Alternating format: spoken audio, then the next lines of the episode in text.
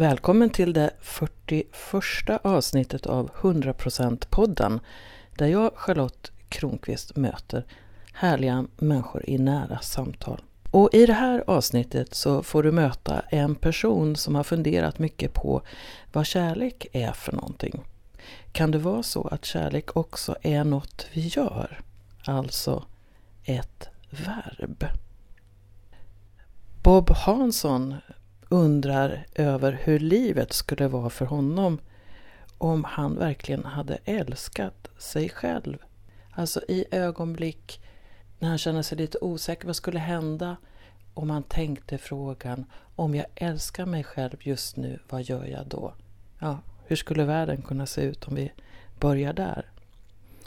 Och i det här samtalet så pratar vi om kärlek, sexualitet, varför vi är här på jorden. När man står på en scen, hur ska en då veta vad rummet behöver? Välkommen till ett samtal med Bob Hansson på Jag slottet. sitter på slottet tillsammans med Bob Hansson. Välkommen. Tack så mycket.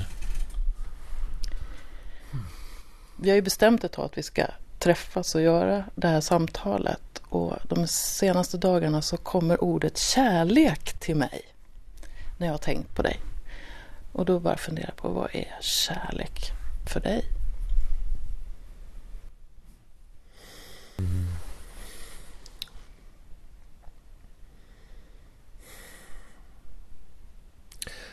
Uh, ja men det är ju en, uh, två saker uh, minst. dels är det en känsla i mig. In, intern känsla. En känsla som för mig ligger nära djup frid och kolsyra. Liksom en slags blandning. Eh, av lugn och bubblande livslust. Mer eller mindre. Eh, det kan vara väldigt små bubblor eller väldigt stora. Och sen är jag ju också inne på Karl Marx linje om kärleken. Att kärleken inte är ett slags eh, andligt eh, fenomen som är utanför oss själva som en slags tredje partner. Eh, utan att det är någonting vi gör. Att kärleken är ett verb. Han var ju materialist så att visst finns det kärlek men den, den, den, den, den finns bara när vi gör den. Och hur gör vi kärlek? Om jag ställer den frågan till dig, vad är det första du tänker på då? Hur gör sex. Kärlek? Precis, du tänker såklart på sex. Varför då? För att då kan jag känna stark kärlek i ett möte. Det, det blir väldigt fysiskt då. Mm. Men jag kan, om jag tänker ett steg till så kan jag också känna kärlek på väldigt många, många andra sätt. Jag kommer att tänka på mitt barnbarn nu till exempel. Och mm. när jag mm. tänker på honom så känner jag mitt hjärta bara vidgas. Och det är icke-sexuellt? Det är väldigt icke-sexuellt. ja, alltså där. Ja. Mm. Mm. Mm. Och du då? Mm. Uh, nej, jag tänker inte på sex alls. Eller nu gör jag det eftersom du nämnde det. Och det, det, är, det är en väldigt för mig tydlig tydligt älskande. När jag var yngre och hade väldigt mycket tillitsbrist. Hade svårare idag än att känna kärlek och känna mig älskad i en relation. Så var det nog ibland så att de enda stunderna jag verkligen kunde slappna av och känna mig älskad och ta kärleken eh, för givet på ett positivt sätt. Det var eh, under den sexuella akten. Eh, så fort den upphörde så fanns det plats för tvivel. Och, och den där fysiska akten var det enda som, som utplånade tvivlet helt. Och då kommer jag också ihåg hur ont det kunde göra med nej. När någon inte ville ligga. Nu är jag ju lite äldre så att nu ser jag den smärtan i andra tänkte jag på. Att, att kvinnor eh, kan ha svårt att bryta ihop för att man inte vill ligga. Eller för att jag inte vill ligga. Och jag tror inte att det bara är så fantastiskt att ligga med mig så att de bryter ihop Men, Men på något sätt att, att det finns en skillnad där mellan kvinnor och män. Att, att de, min, min sexualitet börjar väldigt mycket med att, att vara avvisad. jag vet inte hur många tusen gånger det känns det som, man, som jag i min ungdom låg bredvid en kvinna eller en flickvän. Eller en, och jag ville bara ligga och hon inte. Och man låg där med sin kåthet och, och skam och ett språk som inte fanns att uttrycka det där på liksom. Och, och, och, och, skam som vi alla bär över vår sexualitet och, och jag som man då som dessutom någonstans förknippade min sexualitet kanske med ett eventuellt övergrepp. Att, att, att, att, att, att mitt kön, att kuken också kan vara ett vapen. Eh, så.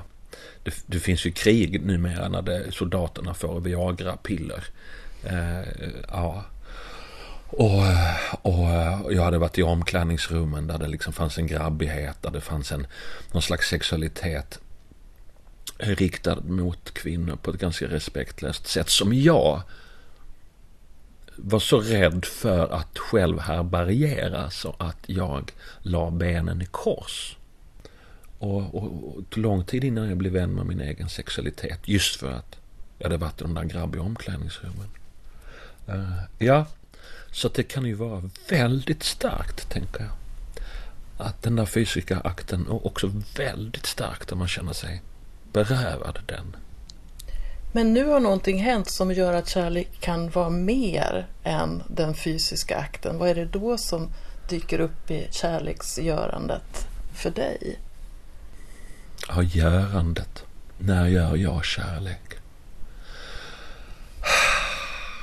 För ett tag sedan så var jag uppträdde och ibland när jag uppträder så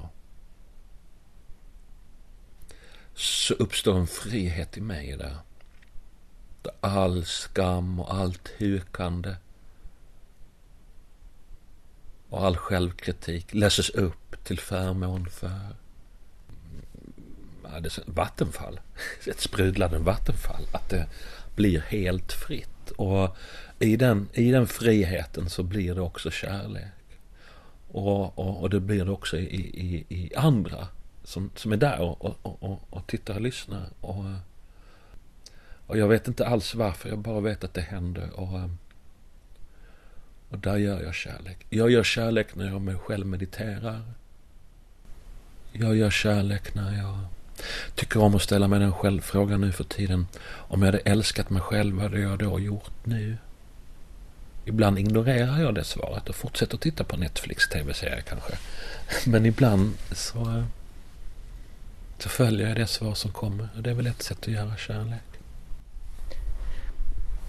Senast jag lyssnade på, på dig var på Kimos... Nu slår det mig att alldeles nyss när jag sa Netflix, mm. då skrattade du. Men du höll inne skrattet så att det inte skulle höras. Ja. Varför då? För att, inte, för att du skulle ha platsen på det inspelade. Mm.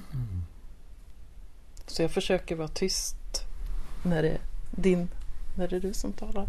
Mm. Men jag var i alla fall på Kimos, mm. Kimos vänkväll.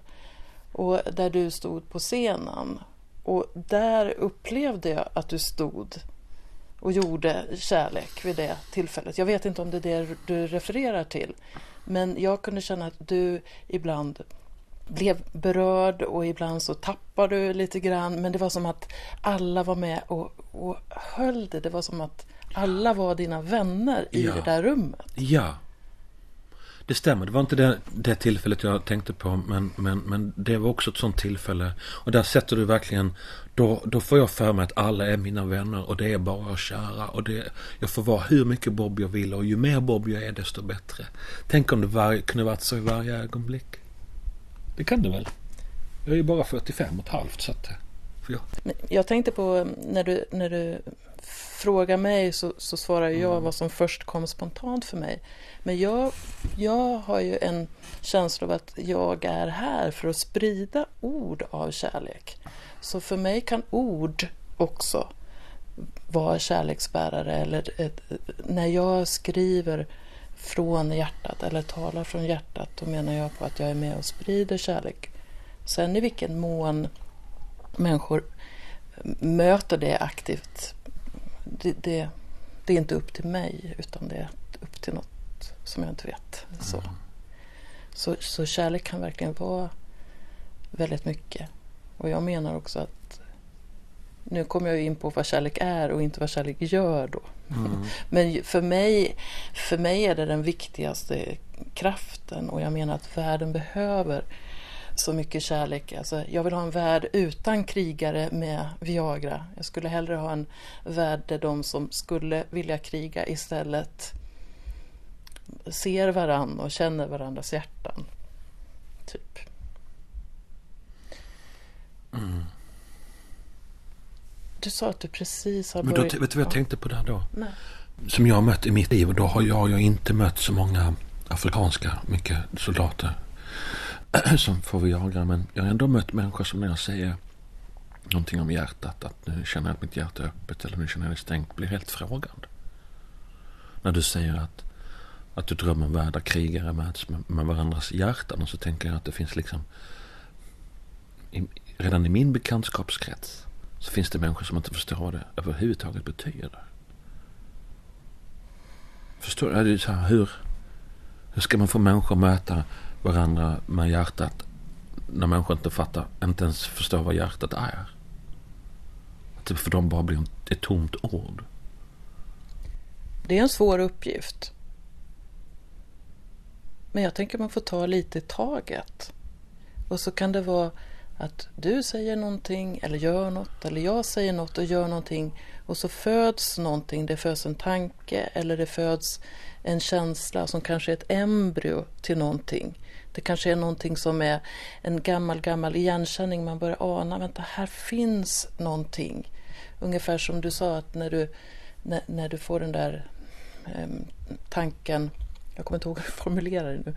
Eh, det där om du tänkte att du kunde vara snäll mot dig själv eller kärleksfull Mm. mot dig själv. Mm. Men så släpper man impulsen. Men där om man kan börja träna sig på att man hör den där viskande rösten som, som viskar någonting om kärlek och så, och så stannar man upp för den och börjar undersöka eller utforska istället för att kanske lyssna på den här mera eh, hårda rösten som bara "Åh." Lite så tänker jag, långsamt. Mm. Mm. Så att ha ett, att leva med öppet hjärta där jag lyssnar lite mer på den snälla rösten än den kritiska.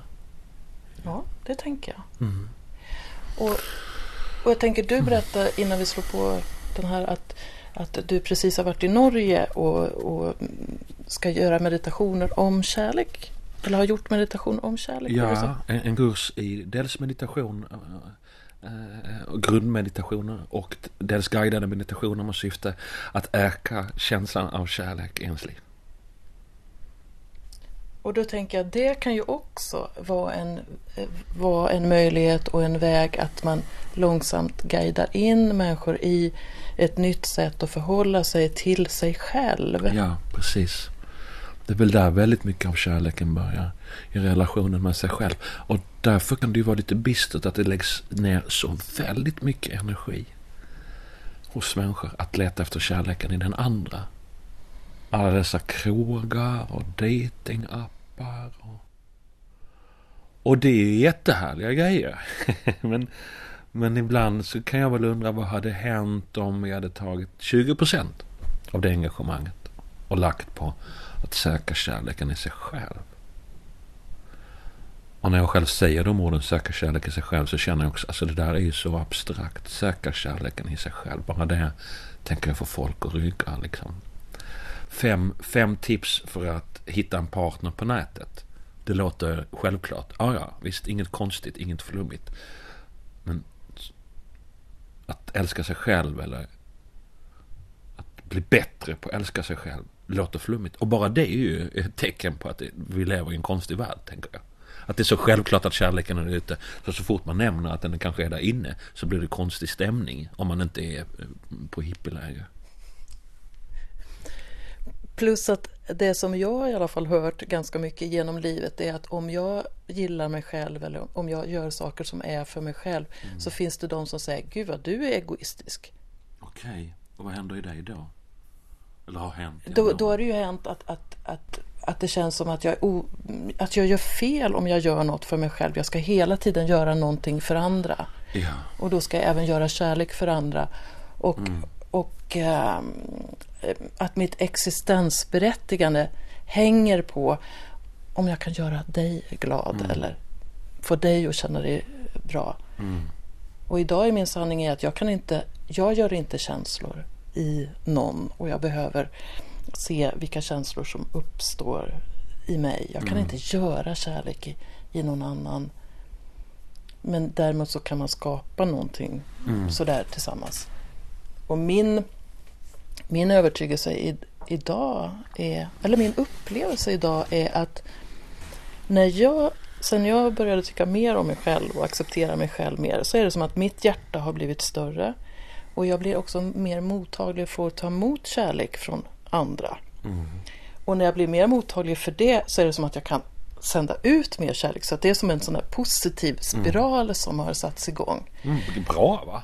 Ja, det är så Ett fantastiskt! fyrfaldigt leve för Charlotte. Hurra, hurra, hurra, hurra. Ja, men förut var det ju precis tvärtom, att jag var så rädd och det var ju som att det, allting bara, bara krympte och då jag kan känna igen mig, fast från, från en kvinnas perspektiv då, det här när jag som, som ung, då, då var det ju att där tillät jag män, eller killar, att ha sex med mig för att få ett värde. Ja. Fast jag egentligen inte alltid ville. Det var inte deras sexualitet. Det det var inte din sexualitet du umgicks med, det var deras. Ja, Mm. Det är många kvinnor tror jag som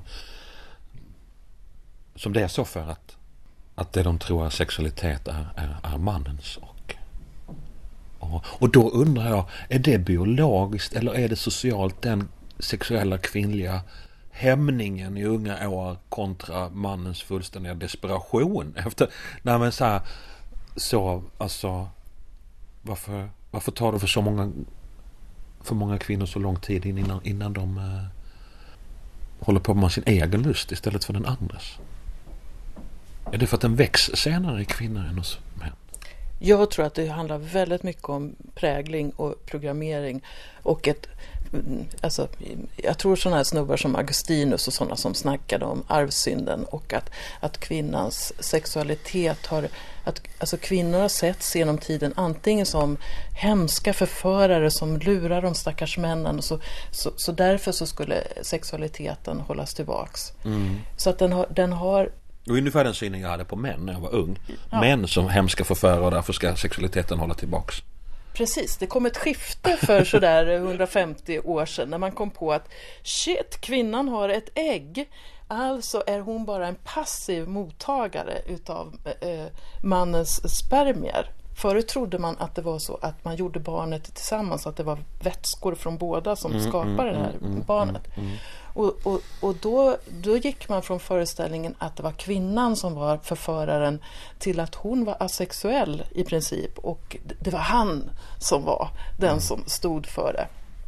Men alla de här olika föreställningar som ofta eh, är knutna till olika religiösa saker tror jag har satt sig hårt på synen på kvinnor och kvinnors sexualitet. Och män har ju kunnat knulla runt allt typ alltid utan eh, konsekvenser för det är kvinnan som har fått bära barnet. Jag Ja. menar, så sent som As- Astrid Lindgren fick gå och föda sitt första o, oäkta barn, hur något barn kan vara oäkta, Ja. liksom, som obemärkt. Eh, så- så att så att jag kan se, alltså, mina döttrar, eller min yng- yngsta dotter är född på 90-talet och till och med hon får höra att tjejer som gillar att ligga är inte så bra. Mm Medan killar är det. Så att, vet, har du någon idé om... Alltså jag tror absolut inte att det är så att, att, att kvinnors sexualitet föds senare. Det tror jag inte.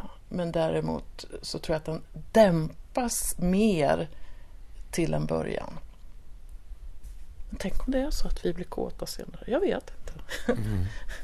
Nej. Nej. Hur som helst så skapar det en viss obalans. Tänker jag mellan de två 16-åringarna eller 18-åringarna som... Ja, men eh, det är ju de det.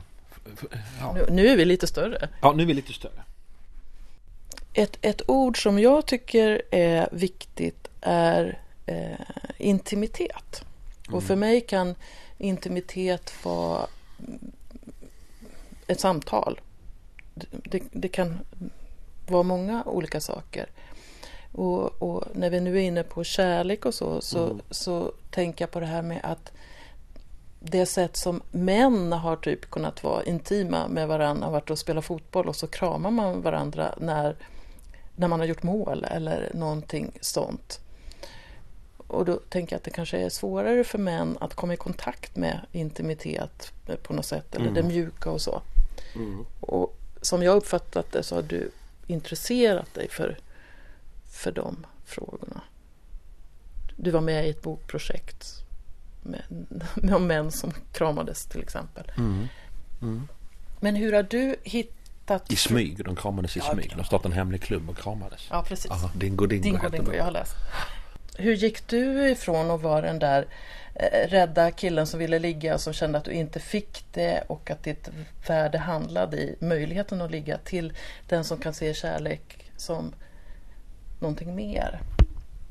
Ja, båda finns kvar. Det finns fortfarande sexuell skam och blygsel i mig. Um, en skam och blygsel över att behöva. Även om det inte är sexuellt.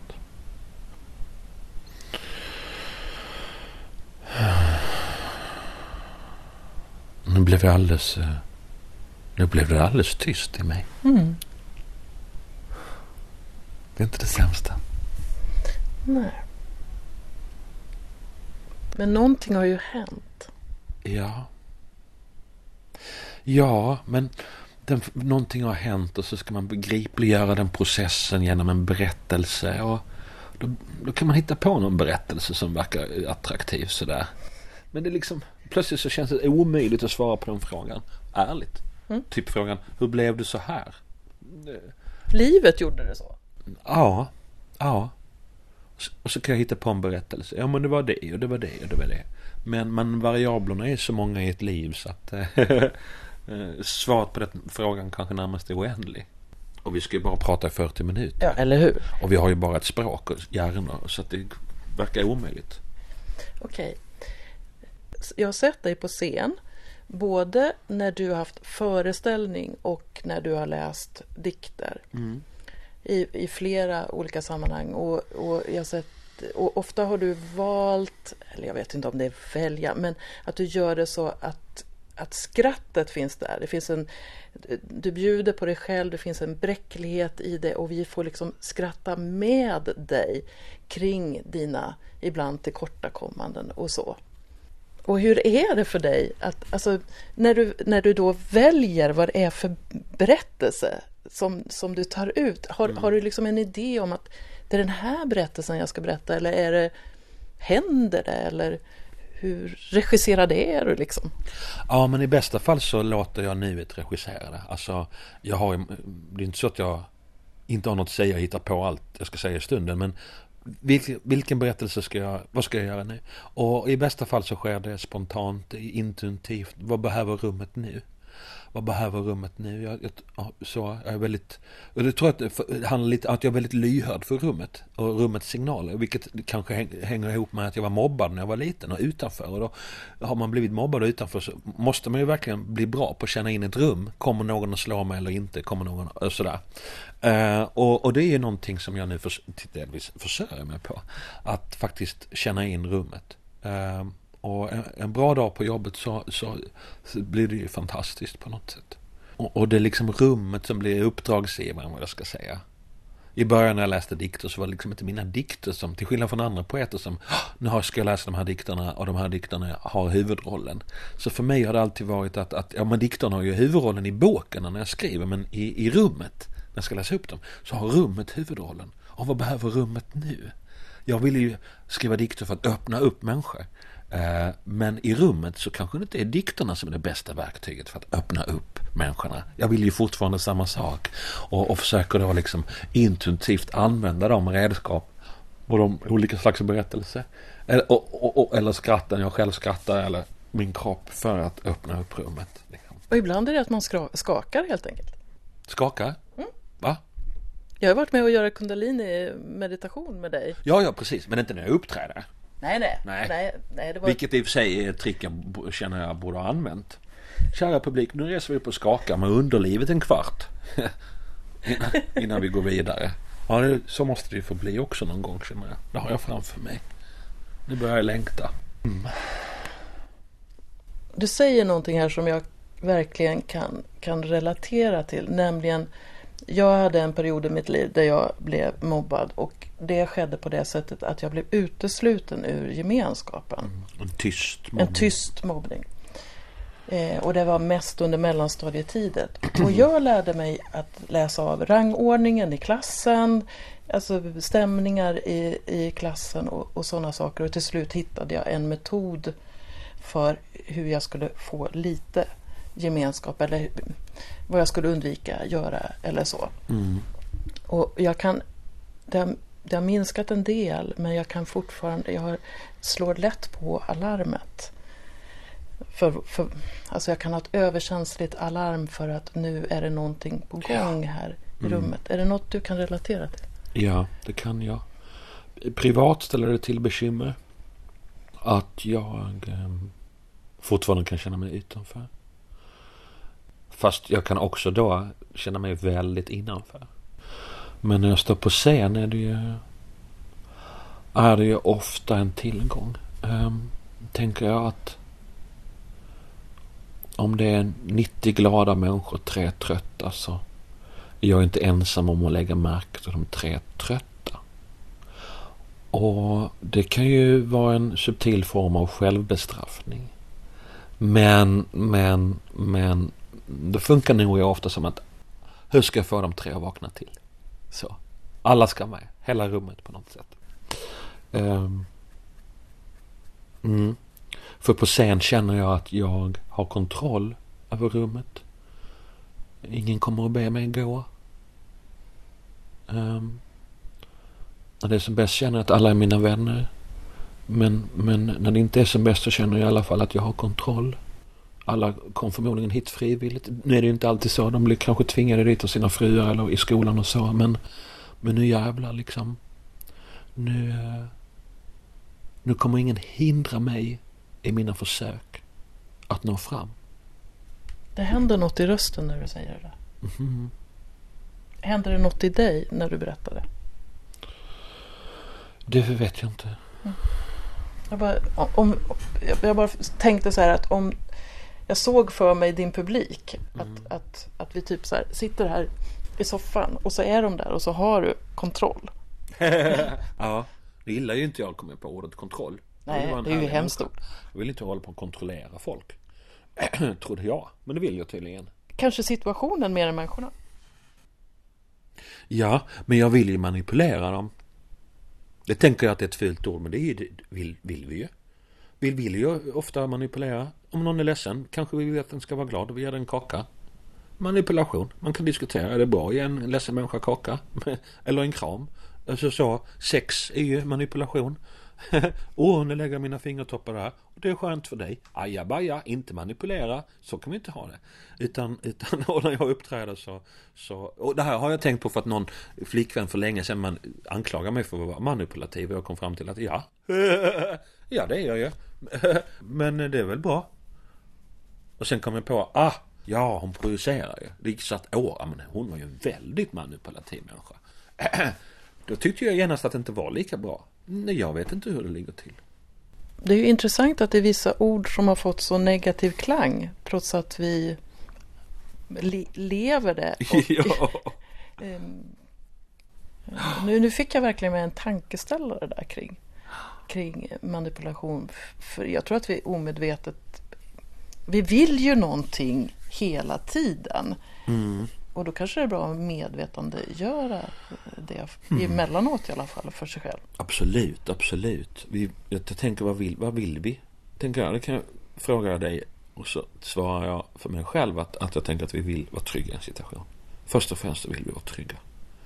Det innebär att vi eventuellt manipulerar hela tiden för att vi ska bli trygga. Och det tror jag kan vara bra att medvetandegöra eftersom trygghet inte nödvändigtvis är det optimala i längden. Vad tänker du om det? Jag har ju själv valt ett liv där jag bara släppt taget om allting. Jag har ingen trygghet i det yttre. Mm. Men idag har jag en trygghet i det inre. Mm. Och det skapar stadga ändå. Så att det här yttre behöver inte vara lite, lika tryggt. Jag, jag bor ju i andra hand och kommer fortsätta att göra det i, Mm. under lång tid. Så jag tänker att man kanske behöver, jag har behövt olika sorters trygghet genom mitt liv. Tidigare var det jätteviktigt att ha ett hus till exempel. Att det är ett skal runt mig. Mm. Men nu är det som att, ja, du ser jag lägger handen på hjärtat hela tiden. Nu är det som att, att kroppen är det där som, som, som jag bara behöver. Och varför vet jag inte. Ah, det känns ju skönt, eller hur? Ja, det är, det är, det är otroligt skönt. Och, och, och någonting som, som, som, som förut så var det så för mig att, att jag var väldigt, väldigt stark bekräftelsehora. Och det kan man ju tänka sig att står man på scen så har man ett behov av bekräftelse också. Mm. Men, i, men idag så är jag inte lika beroende utav det och om vi säger att du skulle säga men Charlotte du är en idiot. Då i, idag så, så kan jag Förut så hade jag tänkt jag är en idiot. Bob tycker att jag är en idiot och så hade jag kunnat falla omkull. Mm. Men idag är jag mer så här Hmm, Bob tycker att jag är en idiot. Vad intressant. Jag står kvar här och, och, och du är där. Så jag, så jag tar inte för givet att det är inte någon annan som bestämmer mitt värde på samma sätt. Och det ger mig en trygghet. Sen är det klart att jag kan bli ledsen om någon inte gillar mig, men det är en lite annan sak. Så det, ja, det, det är trygghet för Mm. mig. Att, Du blir ledsen, men du faller inte ihop. Du kollapsar inte. ja. Mm. Hur är det för dig?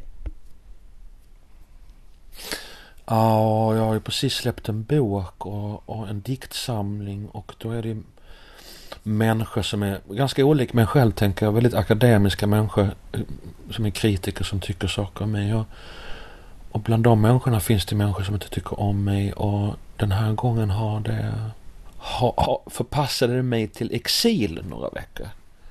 Jag via malande tankar och hukande kropp förhöll mig till att de inte tyckte om mig. Och jag gav dem väldigt stor plats i min kropp och mitt intellekt i några veckor. Och det tog några veckor innan jag kunde liksom andas mig ut eh, ur det och, och komma med till det. Men ja, det är ju inte självklart så att det finns människor som inte gillar vad man gör när man gör någonting. och, och, och, och det vuxna i mig kunde på något sätt acceptera det.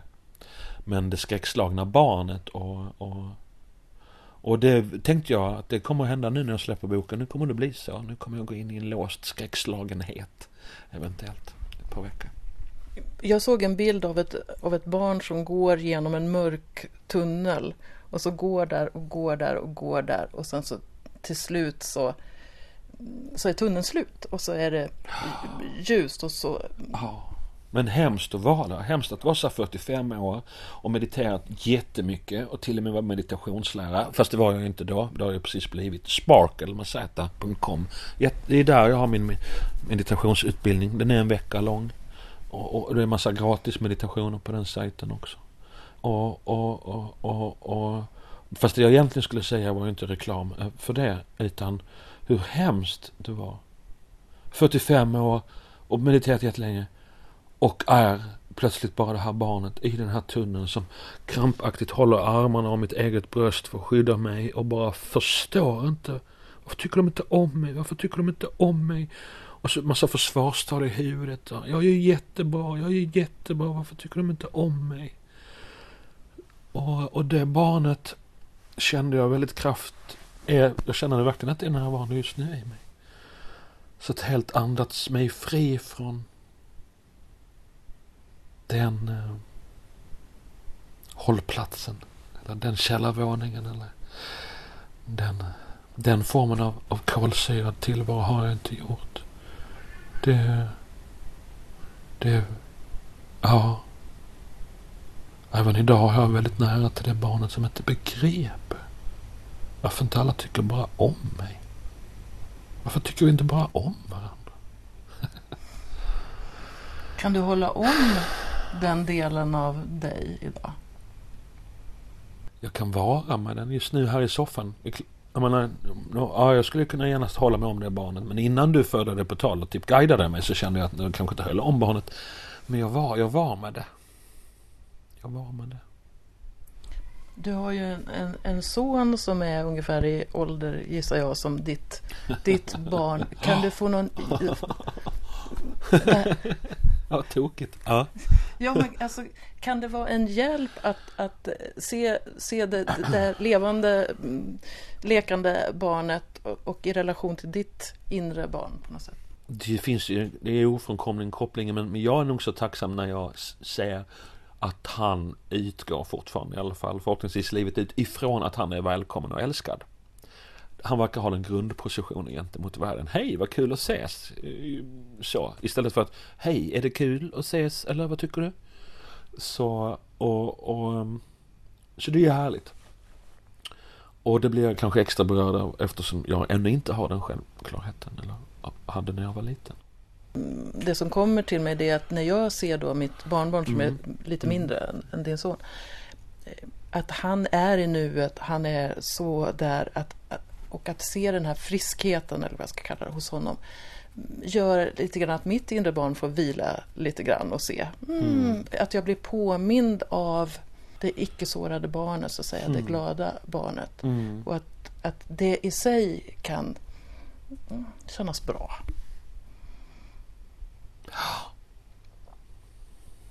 Mm.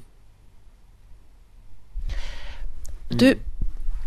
Bara fint, eh, ett sätt att, att, att, att bli fri från sitt eget sårade barn är att umgås med andra hela barn. Jag tänkte det. Uh. Är inte det rätt fint? Kanske ska gå ut i Vasaparken och leka. Ja, absolut. Sätta, ja, det är, jag älskar oss. Ja, det är fantastiskt. Barn är ju, är ju, där är ju kärleken nära. Kan jag ju känna. Det, jag tycker ju när man, när man åker tunnelbana det finns ett barn att söka barnets blick för att där är ett oförställt möte och en glädje och ett väldigt, man behöver inte uppträda för att bli sedd. Det räcker att åka tunnelbana, leta upp en barnvagn och ställa sig framför så bara pff, händer det ju ofta. Eh, fantastiskt. Tack barn. Tack barn, verkligen. Ja. Vad är det som engagerar dig mest just nu? Vad vill du ge till världen just nu? Vilken bra fråga.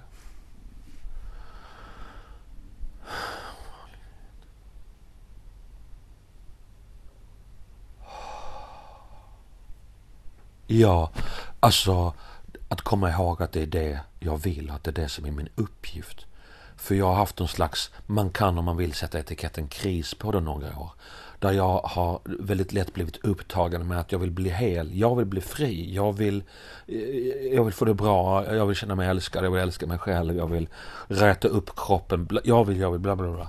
Och, och, och, och en människa i sorg eller i smärta, eller när så, kan ju bli lätt självupptagen. Eh, och glömma bort eh, att en genväg till helande är att ge och att det är därför man är på jorden. Så att, tror jag, kanske. Eh, nej, jag vet inte varför man är på jorden. Herregud. Men, ehm, men, men, ehm, men, men om man, ja. Så att jag är väl där att faktiskt komma ihåg. Just det. Jag är inte här för att hela mig själv. Jag är här för att ge. Så den frågan skulle jag, jag skulle gärna att om du kanske så messar mig den varje morgon eller sådär. Och, och det, när jag kommer ihåg att ställa den till mig själv så jag visste jag så uppstår en väldig frihet när jag släpper mig själv och, och bara vad vill jag ge? Ah, eller hur? Pang så är man i ett annat rum. En väldigt härlig fråga. En sista fråga. Eh, om vi tänker oss att det är någon som är i det här självupptagna rummet. Mm. Men som skulle, vill, skulle behöva hjälp att flytta fokus lite grann från sig själv och ut mot det här givandet. Ja. Vad skulle kunna vara en första liten åtgärd som den personen skulle kunna göra? Kom och titta på mig, sen blir allt bra. Ställning här snart på Brunnsgatan i Stockholm. Bara komma, blir allt bra. Så. Ja, det kostar... Nej. Uh, Okej, okay. det är ett sätt. Måste ju finnas andra sätt att tänka, annars är det jobbigt. Om man bor i Indien kan man inte gå och titta på Bob Hansson. Vad gör man då? Och jag måste tänka, jag måste tänka. Vänta. Nu kom det till mig de här meditationerna som, som, som, som är uråldriga, guidade, buddhistiska, att man eh, fantiserar om att man helt enkelt ger. först sin kärlek först till någon nära vän. Och sen fantiserar man att man ger den till någon människa som är neutral. Och sen att man ger sin kärlek till någon som man har svårt för. Eller till och med om man har en fiende. Fast ja, att man går igenom de faserna över 20-30 minuter eller en kvart i alla fall. Eh, det är en början. Att hela tiden eh, eh, att påminna hjärnan om det andra. För att en människa i kris har ju hjärnan själv upptagen hjärna. Som är fast i tankemönster som handlar om jag måste räddas, jag måste räddas. Eh, och kan man bara fantisera om att eh, nu räddar jag andra genom, genom min kärlek. Ett sätt. Ett annat sätt vilket sätt som helst som handlar om att sätta andra människors behov i fokus istället för sina egna. Inte om man är inne i en missbru- äh, medberoende relation såklart. Men finns det något härberg i närheten som behöver hjälp? Finns det äh, någon förälder i ens närhet som behöver hjälp?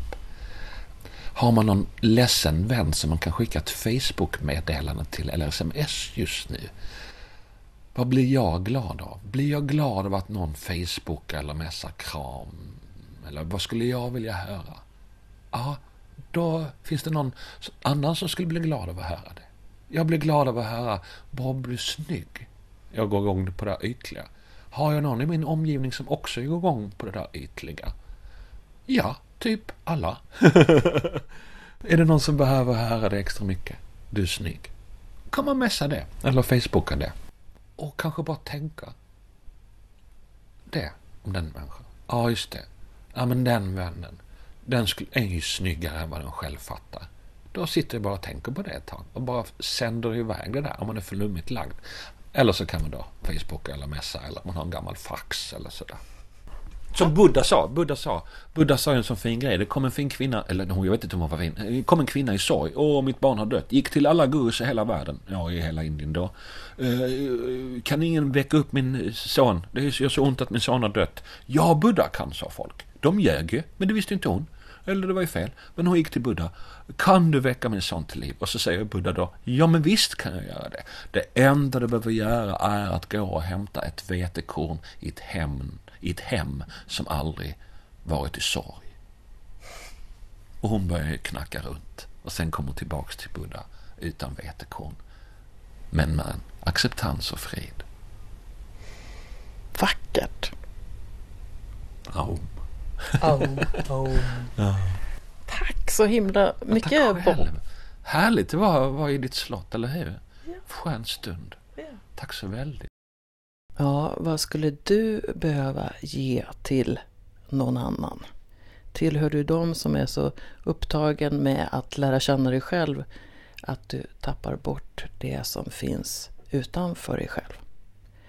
Många intressanta tankar i samtalet med Bob Hansson. 100% podden är ju mitt projekt, Charlotte Kronqvist projekt för att vara med och sprida eh, kärlek och insikter och kanske inspiration på olika sätt. Och berätta gärna för andra att du känner till 100% podden och prenumerera på den när du tycker om det. Jag hoppas att du har en helt underbar dag idag. Och du, vad är kärlek för dig egentligen?